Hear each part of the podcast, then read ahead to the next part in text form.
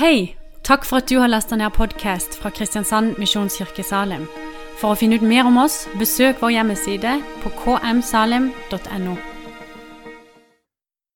Takk for nydelig sang, eh, Lillian. Eh, vi går inn i eh, adventstida og juletida.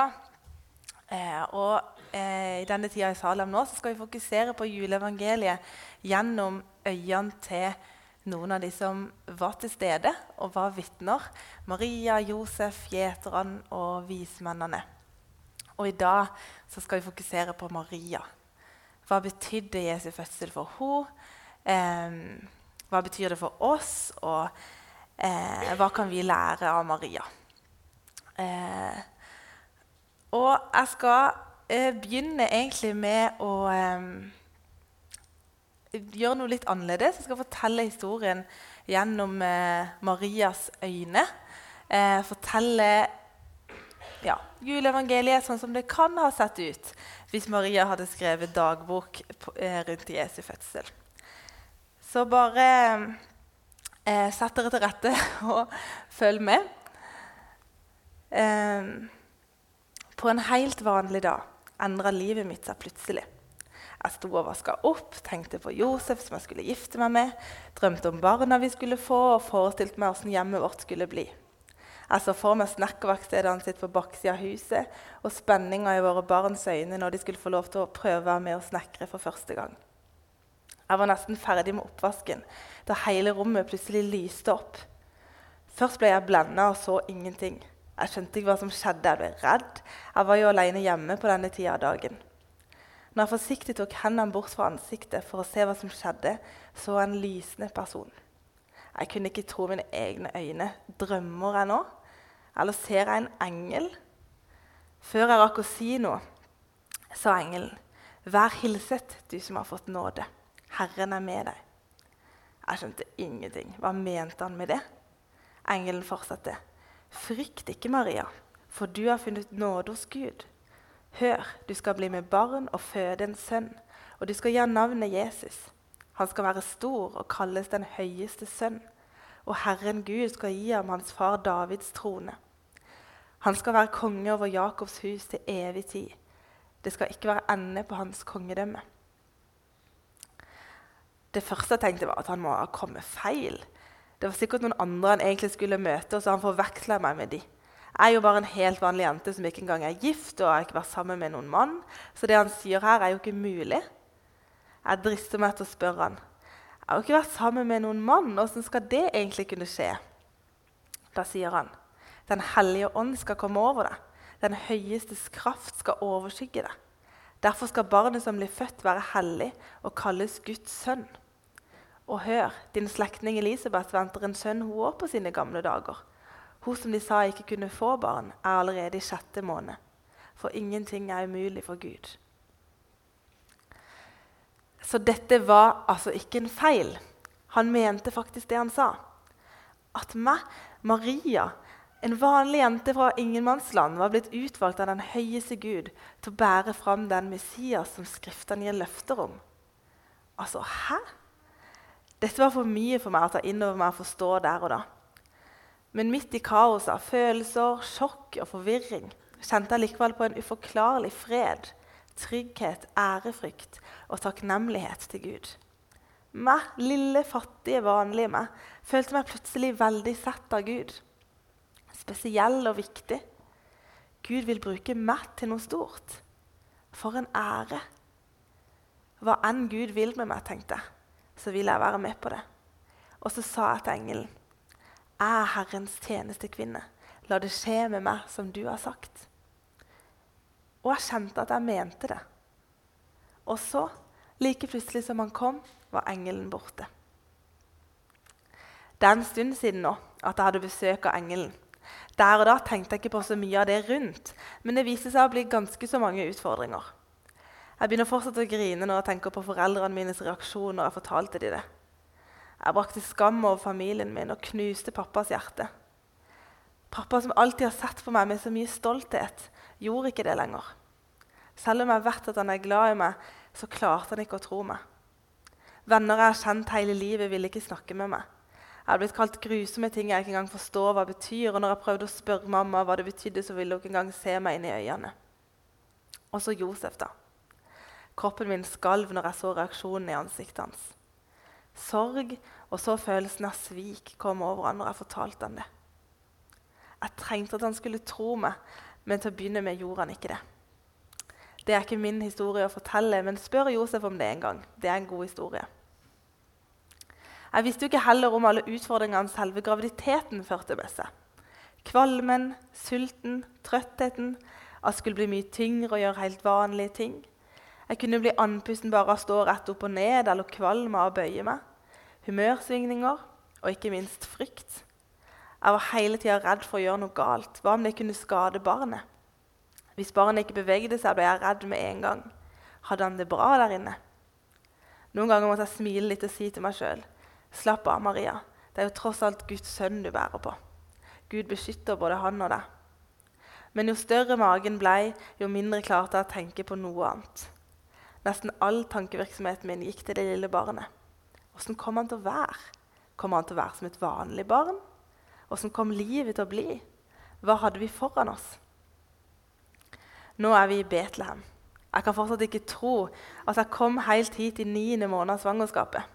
Jeg var så utslitt. Hele kroppen min hadde vondt av å ri på det eselet, og jeg er sikker på at det var det som starta riene mine. Jeg, prøvde å ignorere det faktum at familien min ikke ville være til stede for å hjelpe meg. Jeg ønska meg så desperat å ha mamma der under fødselen. Jeg var så redd for at Josef ikke skulle vite hva han skulle gjøre, og tenke om det skjedde noen komplikasjoner. Men så kom han endelig, Jesus. Det var helt kaos. Vi overnatta i en stall sammen med dyrene. Jeg husker egentlig ikke så mye av det, annet enn at det var veldig vondt, og at Josef var verdens beste støtte. Og når jeg så ned på min nyfødte sønn, visste jeg at dette løftets barn ville forandre verden. Han hadde allerede forandra meg. Jeg klemte ham inntil meg og gnei skinnet mitt mot det myke hodet hans. Jeg kunne ikke få nok av den nyfødte lukta. Ja, selv midt i lukten av skitt og høy og kumøkk så var denne lille fyren helt, helt perfekt. Og så ba Josef om å få holde han. Når de store snekkerendene plukka opp gutten vår, ble enhver tvil han en gang hadde, skjøvet til side. Han la Jesus til brystet og gråt. Gråt av kjærlighet, av lettelse og av tyngden av oppgaven vi var blitt bedt om. For vi visste at denne dyrebare babyen vår, nå svøpt i de eneste skitne klutene jeg kunne finne, er verdens håp og forløser. Vi vet ikke hvordan det kommer til å se ut, eller hva som kommer til å skje. Men vi vet at dette er Guds sønn, og at han på en eller annen måte skal bli Israels redning. Men akkurat her og nå, når det ennå bare er oss tre og dyrene i stallen, så vil jeg bare nyte. Ta til meg dette hellige og magiske øyeblikket. Jeg vil bare få ha dette øyeblikket med babygutten min for meg sjøl lite grann, før jeg deler han med hele verden. Maria, ei ung jente med hele livet foran seg. Ei helt vanlig jente fra Nasaret som ble utvalgt til å være mor til Guds sønn. Dette betydde jo åpenbart eh, veldig mye eh, for Maria. Og I dag skal jeg trekke fram eh, tre punkt som jeg tror sier noe om hva det betydde for henne, eh, og som også samtidig sier noe om hva det betyr for oss. For det første så betydde jo dette for Maria at hun var utvalgt av Gud. Jeg tipper ikke Maria sjøl eh, følte seg så veldig spesiell eller, at at, eller tenkte at det var noen spesiell grunn til at det var akkurat hun som ble valgt. at hun følte seg noe bedre enn noen andre. Det tror jeg ikke. Men Gud eh, elska Maria, og han så masse i Maria. Eh, og han kjente henne jo ut og inn, så han visste jo alt det var god på, og alt det hun ikke var så god på. Eh, og så så han mye mer enn det Maria og de rundt henne gjorde sjøl. For Gud så Maria i et større perspektiv. Han så hvordan Maria kom til å bli. Han gleda seg over måten hun kom til å vokse på framover. Eh, og det Maria heller ikke visste, var jo at Gud hadde skapt henne til denne oppgaven. Gud hadde skapt Maria med en hensikt. Han hadde allerede utrusta henne med alt det hun trengte for å gå i den oppgaven. Han hadde lagt egenskaper eh, ned i henne og, eh, og alt det hun trengte fra før. Han hadde skapt henne med en hensikt, og nå var tida inne. Nå skulle det skje. Vi får se litt av Marias reaksjon på det i lovsangen hun bryter ut i når hun møter Elisabeth, som var gravid med døperen Johannes. Min sjel opphøyer Herren, og min ånd fryder seg i Gud, min frelser. For han har sett til sin tjenestekvinne i hennes fattigdom. Og se, fra nå av skal alle slekter prise meg salig. For store ting har han gjort mot meg. Han, den mektige, hellig er hans navn. Jeg tror Maria følte seg ydmyk, beæra og takknemlig. Eh, jeg tror ikke hun liksom heva seg over alle andre. for jeg tror Hvis hun hadde gjort det, så hadde hun kanskje ikke blitt valgt til den oppgaven. Jeg tror hun hadde fått egenskaper som gjorde at hun kunne håndtere det på en sunn og god måte. Jeg tror Maria bare følte seg veldig takknemlig og veldig sett av Gud. Viktig for Gud. Gud vil bruke meg til noe stort. For en ære! Og så fikk de tankene henne til, eh, de tankene hun til å reagere med eh, lydighet. Eh, er din tjener, Herre. Gjør med meg som du vil. Og Noe av det jeg synes er veldig fint med Marias historie, det er at det, det, var liksom ikke Maria som hadde gjort masse bra og gjort seg fortjent til det, og så, så, valgte Gud skal vi se hvem er den beste kandidaten her. Men, men Gud så Maria først. Han så mens hun allerede var langt nede på rangstigen. Eh, Gud utvalgte Maria og hadde tro på henne, og så var det det som førte til at hun ville gå. Og akkurat som Gud eh, utvalgte Maria, så har Gud på en måte utvalgt også. Eh, I Kolossene 3,12 så står det dere er Guds utvalgte, helliget og elsket av ham. For akkurat som Maria så kjenner Gud også. Han, eh, han, vet hva vi er gode på, hva vi ikke er gode på. Han ser oss i et større perspektiv. Han ser hva vi skal bli, hvordan vi skal vokse.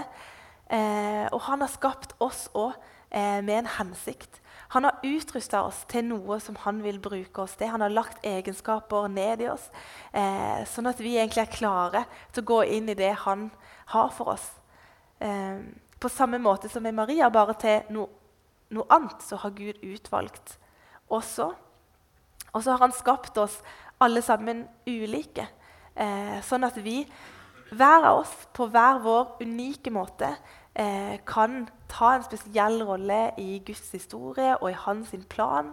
Og sammen utfylle hverandre og, og, fungere optimalt i Guds plan for verden, som er eh, å lede alle mennesker til seg. Du er ikke bare en tilfeldig person for Gud. Han har skapt deg òg med en hensikt og utrusta deg til å gå i den hensikten. Det andre punktet jeg vil trekke fram som jeg tror Jesu fødsel betydde for Maria, det er at Maria fikk se Gud. For det står han er den synlige Guds bilde, og den som har sett meg, har sett far. Før Jesus kom, så var ikke Gud på en måte tilgjengelig for alle. Gud er jo hellig. Og for å skjønne litt av hvordan Guds hellighet fungerer, så kan vi sammenligne den med sola. Eh, sola er jo stor og lysende og varm og egentlig det som gjør at det er mulig for oss å leve. Eh, men eh, vi kan ikke komme på, for tett på sola uten at det er farlig for oss. Uten at vi har beskyttelse, så kan ikke vi komme for tett på sola. Sola er jo en god ting i seg sjøl. Men den er så stor, han er så kraftig og lysende og varm at et menneske vil ikke tåle å komme for nær. Eh, og sånn er det på en måte litt med Guds hellighet òg. Eh, så det var farlig for mennesker å eh, komme for nær Gud. på en måte, Sånn at Gud var nede på jorda i, i tempelet, inne i det aller helligste rommet. Eh, og der var det livsfarlig for mennesker å gå inn. Der kunne ingen gå bortsett fra eh, øverste presten, som kunne gå inn og ofre én gang i året. Så Gud, eh, Gud hadde på en måte mest vist seg fra den der store og mektige og hellige sida. Eh, og Guds nærvær var på en måte ikke tilgjengelig for alle mennesker før Jesus kom.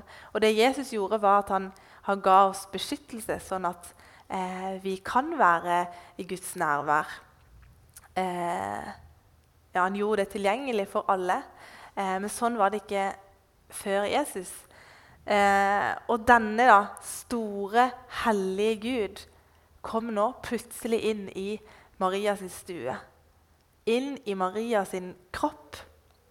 Det må jo ha vært en ganske sprø opplevelse. Eh, og det må jo ha endra mye av Marias gudsbilde. Gud var fortsatt den samme, men han viste seg plutselig på nye måter åpenbarte mer av seg sjøl for Maria.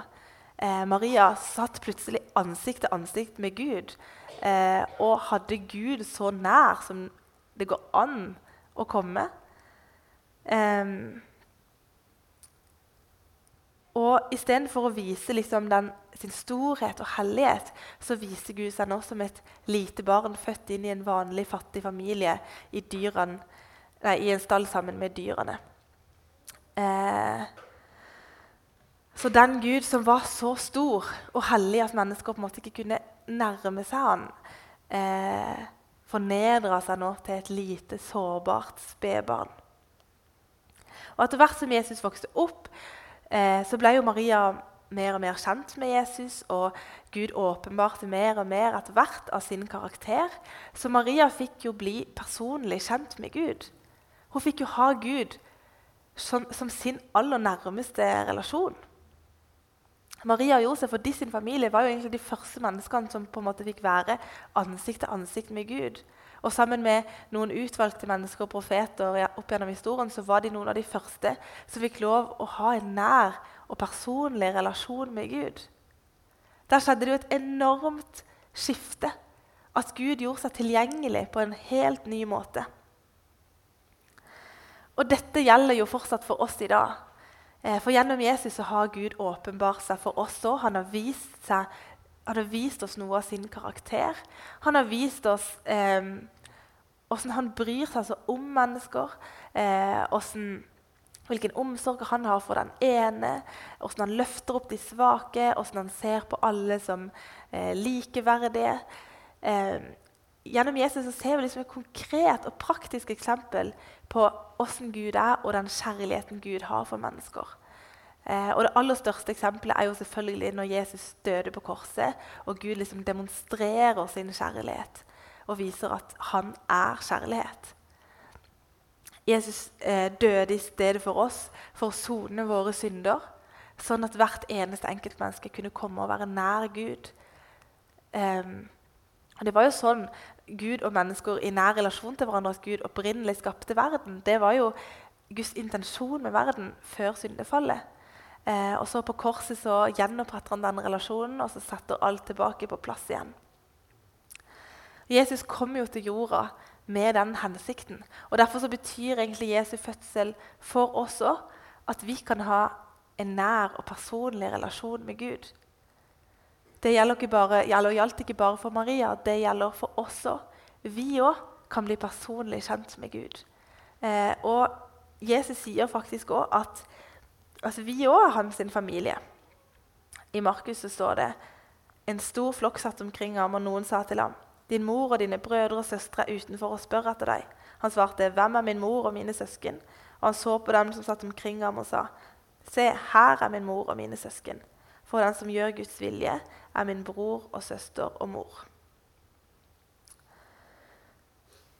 Den tredje tingen jeg har lyst til å trekke fram om hva dette betydde for Maria, er at det snudde livet sitt på hodet. Eh, livet sitt ble jo aldri det samme igjen. Maria hadde sikkert sett for seg hvordan livet sitt kom til å bli. Hun hadde sikkert planer og drømmer og eller, ja, fremtidsplaner. Og så ble livet bare alt annet enn det. Og livet ble jo veldig utfordrende eh, på mange måter for Maria òg. Bare den måten hun ble gravid på, som måtte stå i det og ikke bli trodd, og den skammen det brakte, sosiale utfordringene, håndtere alles reaksjon på det.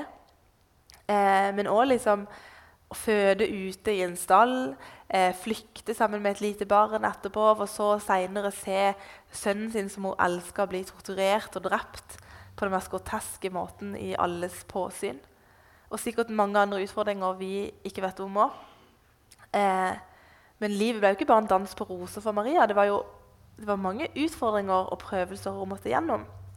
Men når Maria sa seg villig til å gå den veien Gud kalte henne til, så fikk hun også oppleve å være med på større ting enn hun trodde var mulig, enn hun kunne tenke seg sin villeste fantasi. Eh, hun fikk en stor rolle i Guds historie og i hele verdenshistorien. Eh, og hun fikk leve tett på Gud sjøl, som jo prega alt annet eh, i livet sitt. Eh, og jeg tror Maria fikk et mye bedre og mye dypere og mye mer meningsfullt liv. Og jeg tror aldri hun ville hatt det annerledes. Og det ønsker Gud for oss òg.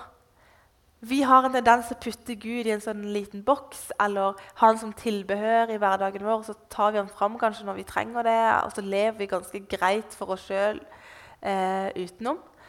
Men Gud vil så mye mer for oss. Gud er så mye mer enn det.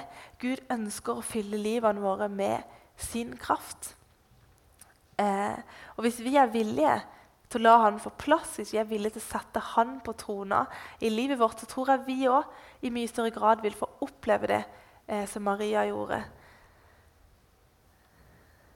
Ja. Men her tror jeg vi har mye å lære av Maria. Eh, for det er to ting jeg legger spesielt merke til med hos sitt møte med engelen. Eh, og Det første det er Maria sin tro. Maria fikk beskjed om at hun skulle bli gravid. Eh, hun visste at hun hadde ikke vært sammen med noen mann. Hun hadde ikke noen mage, hun hadde sikkert ikke noen gravide symptomer. Eh, men hun måtte bare velge å tro at ja, men da, nå er jeg gravid. Jeg, da. Eh, og så måtte hun gå ut og si til alle andre at eh, ja, jeg skal få en sønn da og da. Jeg har ikke vært sammen med noen mann. Jeg er ikke gift. Eh, du kan ikke se det på meg, eller noe sånt, men jeg er gravid. Og liksom, Det må jo ha krevdes ganske mye tro av alle rundt òg. Men det må jo ha krevdes veldig mye tro av Maria. Hun måtte jo velge å tro at det Gud hadde sagt han skulle gjøre, det kom han faktisk til å gjøre. Og så måtte hun stole på at Gud kom til å være med henne i omstendighetene sine og i eh, de utfordringene hun kom til å møte rundt. Eh, og Jeg syns det er noe veldig beundringsverdig med Maria sin tro. fordi hun tror litt som et lite barn på en måte, at Gud, Gud sier noe, og Maria tror. Liksom når en far sier noe til barnet sitt, og så bare tror det helt ukritisk fordi at man har så stor tillit eh, til faren sin eh, Maria hun, hun tror eh, at når Gud sier noe, så kommer han til å gjøre det. Eh, Jesus sier alt dere ber om i bønnene deres, tro at dere har fått det, og dere skal få det. Gud eh, talte til Maria gjennom engelen. Og han taler til oss òg på mange måter. Eh, blant, først og fremst eh, gjennom sitt ord. Og vi òg kan på samme måte som Maria velge å tro at det Gud sier til oss, eh, det kommer til å skje. Vi har allerede fått del i det. Vi kan tro, eh, tro at dere har fått det. Eh, vi kan òg velge å tro at eh, det Gud sier i sitt ord, er sant. Han kommer til å gjøre det han lover at han skal gjøre. Og dette gjelder meg og mitt liv. Hvis vi gjør det, så tror jeg vi ganske ofte vil få se det skje. Og tro er et veldig komplekst tema, og noen kan kanskje synes det er vanskelig. og Tror jeg nok? Og vet jeg at jeg tror nok? Og hva er liksom Det kan være mange tanker rundt det. Um, og ofte tror jeg kanskje det kan være fordi vi forbinder tro med en følelse. Vi tenker at vi må, vi må føle sånn og sånn og føle at vi tror. Men jeg tror, jeg tror tro veldig ofte Eh, er et valg. Eh, jeg tror Maria valgte å tro. Jeg tror valgte å stole på Gud. Og det samme tror jeg gjelder for oss òg. Det andre Marias møte med engelen viser meg, det er lydighet. Maria ante ikke hva hun gikk til. Hun ante ikke hva som kom til å møte henne, verken av sorger eller gleder. Men hun visste at Gud hadde sett henne og valgt henne. Og hun visste at det Gud vil gjøre, det vil jeg være med på. Jeg er din tjener, Herre. Gjør med meg som du har sagt. Hvis du hadde vært i Maria sine sko, tror du du hadde svart så selvoppofrende som det hun gjorde? Eh, jeg tror mange av oss ville svart noe sånt som Tuller du med meg nå? Liksom, har du tenkt på hva alle kommer til å tenke om meg? Jeg, har, er jo ikke gift. Kunne du ikke liksom i hvert fall vente at jeg hadde gifta meg? Eh, har du tenkt på hvordan jeg skal forsørge meg sjøl? Det er sikkert ingen som vil gifte seg med meg nå. Jeg har jo ingen muligheter. Og jeg tror veldig ofte så svarer vi Gud med en slags fornuftig argumentasjon når Gud kaller oss litt ut av komfortsona og ut av det vanlige. på en måte. Og så kommer vi med masse argumenter til Gud. at liksom, ja, men har du tenkt på dette og dette og dette? Og så er det egentlig kanskje at vi ikke stoler helt på Gud, at han har kontroll i alt rundt. og føler liksom, ja, men det, er tydeligvis noen ting her Gud ikke har tenkt på. eller han... Og så tenker vi bare automatisk nesten litt sånn. Men Maria gjør ikke det. Eh, hun visste at det var noe, et steg ut i noe usant, og hun ikke ante utfallet av. Men hun var villig. Hun trodde på Gud, og hun stolte på han, og ville bruke seg Gud til det han hadde utvalgt henne til.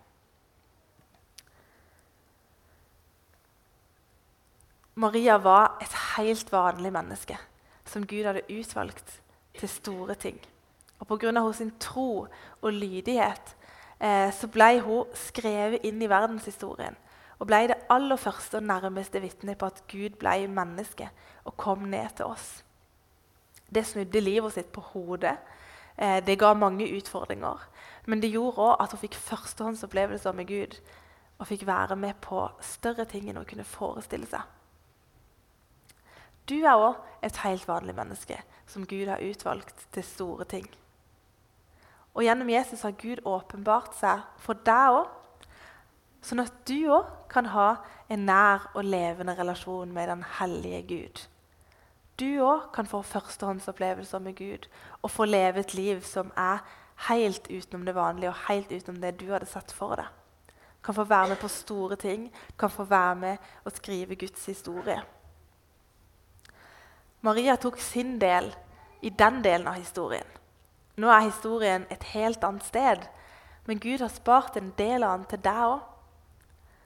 Gud har en plan og en hensikt med hvordan du òg skal ha en helt spesiell rolle i hans historie. Men da trenger du å gjøre som Maria. Du må velge å tro, og du må velge å stole på at det Gud sier han vil gjøre, det kommer han til å gjøre. Og så må du være villig til å gå når Gud kaller deg og åpner døra for deg. Jeg ønsker å være så enkel og lydig som det Maria var. At når Gud taler til meg, og jeg hører Hans ord, så sier jeg ganske enkelt at 'jeg er din tjener, Herre'. Gjør med meg som du vil. Jeg er din tjener, Herre. La livet mitt formes etter ditt ord, eh, og sånn som du vil. Eh, vi skal gå inn i lovsang nå. Irvelin, du kan bare komme opp. Eh, og så skal vi synge en sang som heter 'Skriv din historie med mitt liv'. Og jeg har lyst til at Vi skal bare bruke denne sangen til å bare la det synke litt inn. Eh, og Hvis du kjenner det, at du ønsker å være villig, du ønsker å være sånn som Maria, åpen for Gud og åpen for å gå i det Gud eh, kaller deg til, så bare si det til Gud inni deg nå. Du kan si Maria sine ord inni deg. Eh, jeg er din tjener, Herre. Gjør med meg sånn som du vil. Jeg vil være åpen og villig til det du kaller meg til. Bruk mitt liv til å skrive din historie.